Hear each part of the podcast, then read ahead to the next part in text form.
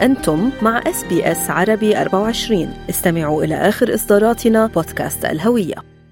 لسان الضاد يجمعنا يحتوينا يذيب الخلاف ويحيي الحوار. إس بي إس عربي على تنوع الجالية العربية فترة تجمعنا. هذه اللغة الرائعة وعاء ثقافتنا مشاعرنا فرحنا حزننا كله يتجلى في معاني هذه اللغة وتستحق الإضاءة عليها وتخصيص حلقة كاملة لهذا اليوم. بالفعل فارس لأنه اللغة أم والأم لغة والأم حياة والحياة تعبير والتعبير تواصل وفي لغة العقل وفي لغة العاطفة يعني أنا مشاعري الأعمق ما فيني أعبر عنها إلا بالعربي.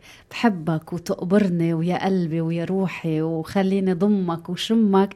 هو ما بيمرقوا بالإنجليش. نكتب حلو بنعبر حلو بس لغ... المخزون العاطفي دايما بهاللغة الأم وشو حلو إنه اسمها اللغة الأم mother tongue. صحيح يعني اللغة هاي فترة يمكن إحنا بنفكر باللغة العربية بينما هذا الأمر لا ينطبق على أبناء الجيل صحيح. الثاني والثالث. حتى لو بتحدث اللغة العربية هو عم بفكر باللغة الإنجليزية بترجم كلماته ومفرداته بحكي لك ومشاعره حتى. ولكن جزء من هوية المهاجر أيضا وأبن المهاجر وحفيده اللي بصير يمكن عنده أكثر من لغة أم. آه، شكرا لكل الأهالي. هون أبناء وبنات الجالية العربية المصرين على أن تبقى اللغة العربية حاضرة في المنزل. إذا اليوم الدولي للغة الأم هو اليوم الذي تحتفل فيه كل دول العالم بلغاتها الأم في إطار تعزيز الوعي بالتنوع الثقافي واللغوي وتعدد اللغات. وهالشي بشجع على اهتمام أبناء كل دولة بالحفاظ على اللغة الأم وتعليمها للأطفال منذ طفولتهم. نحتفي إذا اليوم 21 شباط في فبراير في كل أنحاء العالم في اليوم الدولي للغة الأم. من أين جاءت فكرة الاحتفال بهذا اليوم؟ من الحاجة للتأكيد على أهمية اللغة الأم بالحفاظ على التنوع الثقافي واللغوي. اللغة الأم هي اللغة اللي بتعلمها الفرد منذ الطفولة تربطه بثقافته وهويته الشخصية. وبالتالي الاحتفال باللغة الأم يعزز التواصل الإنساني ويساهم ببناء جسور الفهم والتعاون بين الثقافات المختلفة ويعيدنا إلى ذاكرة طويلة طويلة ما بلشت امبارح. سنبدأ آه، اليوم إضاءاتنا بالحديث عن عربي سكايب هو برنامج لتعليم اللغة العربية آه، للأطفال ابتداء من عمر خمس سنوات. كثير عجبنا كيف بدأت قصة هذا البلاتفورم أو هذا هذه المنصة لتعليم اللغة العربية استخدام التكنولوجيا أساسي فيها. فكرة زوجين دكتور علاء مصطفى هو أخصائي قلب أطفال وزوجته شذا كانوا في زيارة إلى الوطن الأم واكتشفوا أن أطفالهم غير قادرين على التواصل بشكل فعال مع العائلة. كيف تحولت هالأزمة إلى فرصة؟ تعالوا نستمع كيف بدأ مشروع عربي سكايب. بدأت فكرة عربي سكالب سنة 2013 لما إحنا لأول مرة بننزل إجازة على فلسطين لزيارة الأهل والأقارب من وقت انتقالنا للعيش في أستراليا. أه وقتها لقينا أن الأولاد عندهم صعوبة بالتعبير وبالمحادثة وتوصيل الفكرة اللي هم بده يوصلوها للأهل والأصحاب باللغة العربية على الرغم أنه أولادنا كانوا يروحوا مدارس ال Sunday school لأنه فترتها كنا عايشين بسيدني. وكانوا يتواصلوا مع الأصدقاء اللي حوالينا يعني عربي مع English ك mix. بس كانوا يروحوا على المدرسة هي ويحكوا عربي. فوقتها أنا وعلاء آه، قعدنا نفكر شو بدنا نلاقي حل لهذه لهي المشكلة اللي إحنا لقيناها. لأنه إحنا أصلا عايشين بأستراليا فإحنا ما بدنا نفقد اللغة العربية وما بدنا الأولاد ينسوا لغتهم الأصلية. فوقتها علاء اقترح علي انه شو رايك نجرب انه الولاد يتعلموا عربي مع مدرسين من فلسطين؟ أه ووقتها علاء تواصل مع اشخاص قبل ما نطلع من فلسطين ونرجع على استراليا. آه، طبعا يعني تواصلنا مع طلاب جامعات لنشوف إذا في مجال إنهم يدرسوا أولادنا آه، عن طريق آه، برنامج سكايب. ونجحنا بالوصول لشخص كان مهتم وبدأت الفكرة بمرحلتها الأولى آه، تطبق على أولادنا بالبيت. آه، واستمرت لمدة ثلاث سنوات. انتقلنا فيها من مرحلة لمرحلة لحد ما وصلنا لمدرسين آه، يعني متخصصين من مدن متعددة بفلسطين والأردن. وانتقلنا بعدها من المرحلة الأولى للمرحلة الثانية بعد ما أنه الأصدقاء أنه هون بسيدني وفي المدن الأخرى بأستراليا لاحظوا قدرات اللغة العربية عند أطفالنا اللي قارنوها بأطفالهم وهم بدرسوا بمدارس عربية مسجلة رسميا هون بأستراليا ولكن كان الفارق طبعا عميق. ومن عندها انطلقت فكرة توصيل هاي الفائدة من المرحلة الأولى اللي إحنا كنا فيها بس على أطفالنا للمرحلة الثانية اللي هو نشرها للأصدقاء اللي إحنا بنعرفهم آه، بمدن مختلفة بأستراليا. وفعلا انتقلنا بهاي المرحلة آه، بشكل كبير والفائدة عمت لكل الأصدقاء اللي موجودين بأستراليا. ومن بعدها انتقلنا للمرحلة الثالثة اللي هو نشر برنامج آه، عربي سكايب على مدى أوسع. وانتقل من آه، برنامج عابر للولايات في أستراليا هون آه، لبرنامج عابر للقارات وانتقل لدول في أمريكا في كندا ببريطانيا بأوروبا وحتى بنيوزيلندا. يعني كانت البداية التواصل اليوم مع الجيل الجديد يتطلب. آه، إذا فينا نقول وسائل حديثة بدنا نحكيهم بلغتهم. كيف وضعوا تكنولوجيا بخدمة هالمبادرة. تخيلي مبادرة بدأت من أطفالهم وللعلم يعني لا يسعون للتربح ماديا من وراءها فقط خدمة للغة العربية. عندهم اليوم 530 طالب حول شو العالم. حلو. بأستراليا بنيوزيلندا بالعالم الغربي وكلهم عم بتعلموا مع أساتذة في العالم العربي. شو حلو. تعالوا نسمع. طبعا أكيد التكنولوجيا لعبت دور مهم ومهم جدا في إنجاح برنامج عربي سكايب.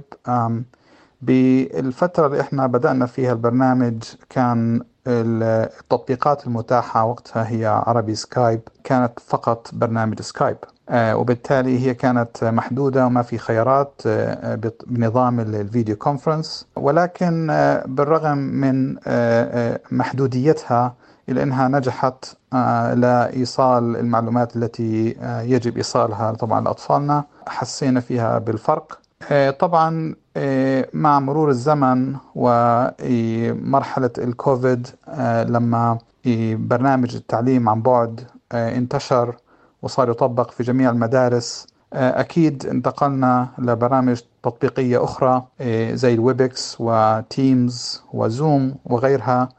آه، طبعا هذا ضاف زخم وضاف مهارات مختلفة. يمكن استخدامها في تعليم اللغة العربية عن بعد. يعني قديش مهم فارس كمان نكون عم ننقل معلومة للجيل الجديد بلغتهم مشان هيك التكنولوجيا وتحديث طرق التعليم أساسية لنقدر نتواصل معهم؟ لا يسعى دكتور علاء وزوجته شذا للتربح ماديا من هذه المبادرة وإنما هدفهم الأسمى هو الحفاظ على اللغة العربية آه، حية وحاضرة آه، في أذهان وعقول وقلوب أبنائهم. بداية وباقي الطلاب المئات حول العالم. دعوا نسمع إلى أين تذهب عوائد هذه المبادرة.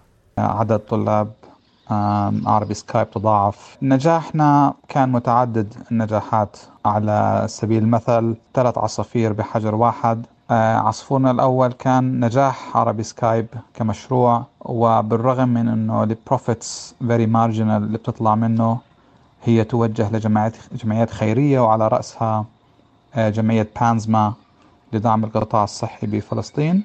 آه، نجاح طلاب وإبقاء اللغة العربية ثرية في بلاد الغربة وخاصة بأستراليا. أما النجاح الثالث فهو دعم المعلمين الموجودين في مناطق الشرق الأوسط وبالأخص بفلسطين والأردن. آه، وبالتالي إحنا آه، حققنا ثلاث أهداف رئيسية. لتعلم فارس اللغة العربية مجهود مضاعف. ليش؟ لأنه اللغة المحكية تختلف عن اللغة يلي بندرسها وبنقريها وبنكتبها مشان هيك الطالب اللغة اللي بيحكيها بالبيت تختلف عن اللغة يلي عم يقريها وقديش بدك يكون في جهد إضافي. صحيح يعني بينما اللغة الإنجليزية أنت بتكتبي زي ما بتحكي بالبيت exactly. وبتحكي بالشارع وبالمجتمع وفي مكان العمل وفي المدرسة.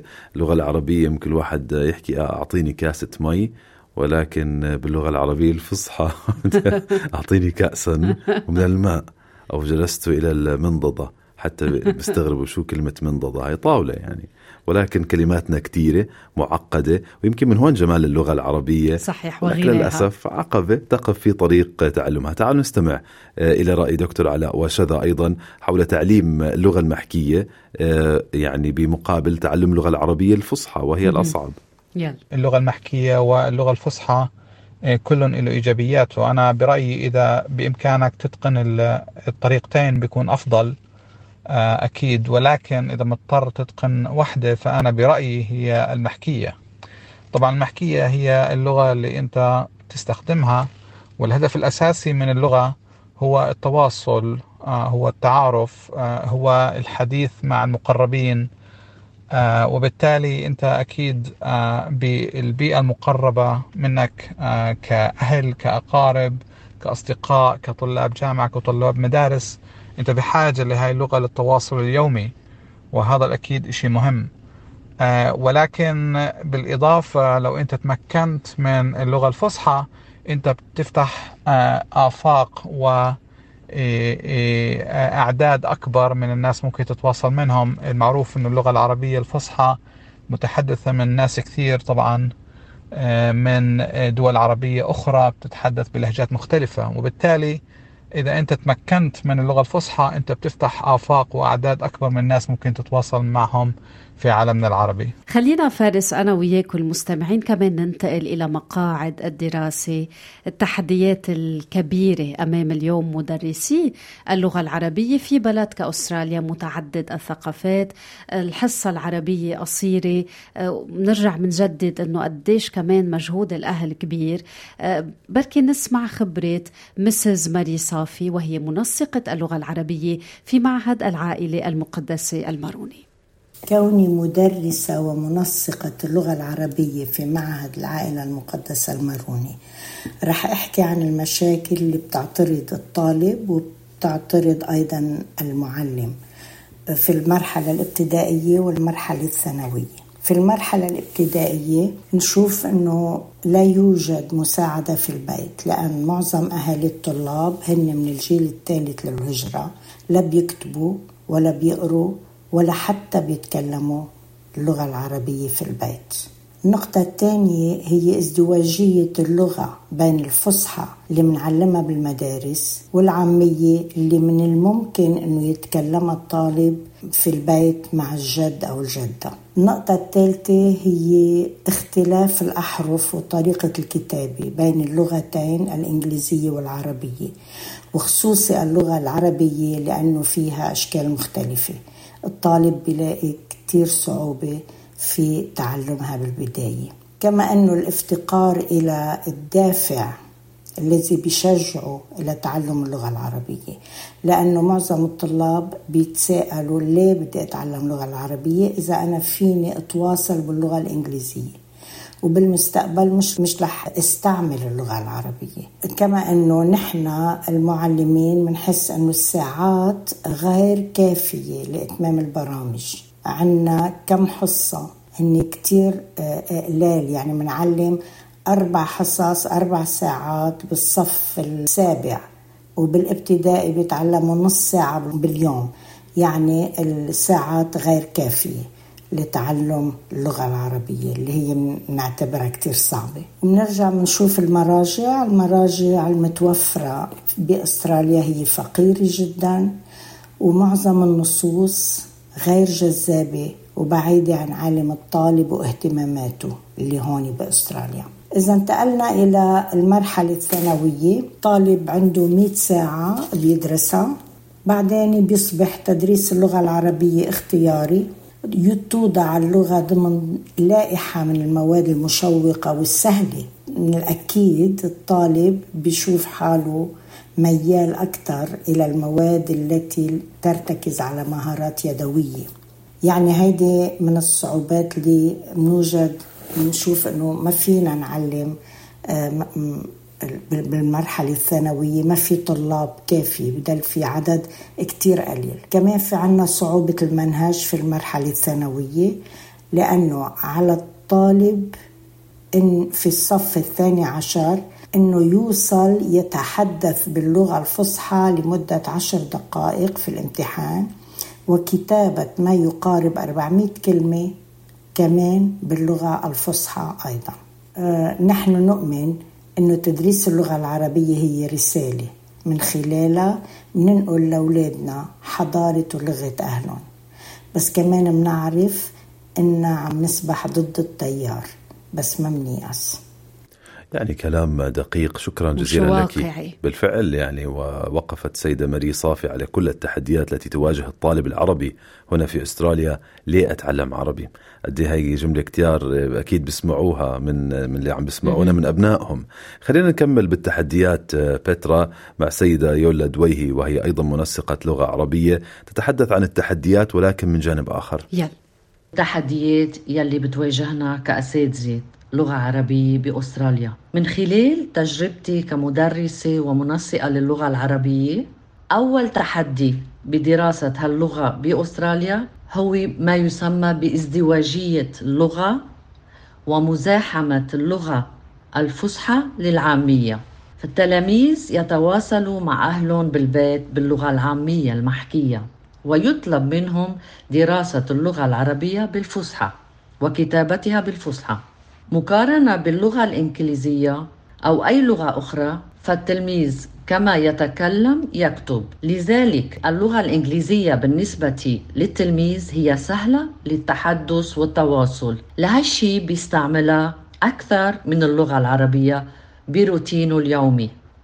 ونحن بنعرف أنه اللغة إذا لم تستعمل بشكل دائم تنتسى. التحدي الأكبر للمعلم بالصف عليه أنه يترجم النصوص بالكتب العربية لشرح المضمون والعبر.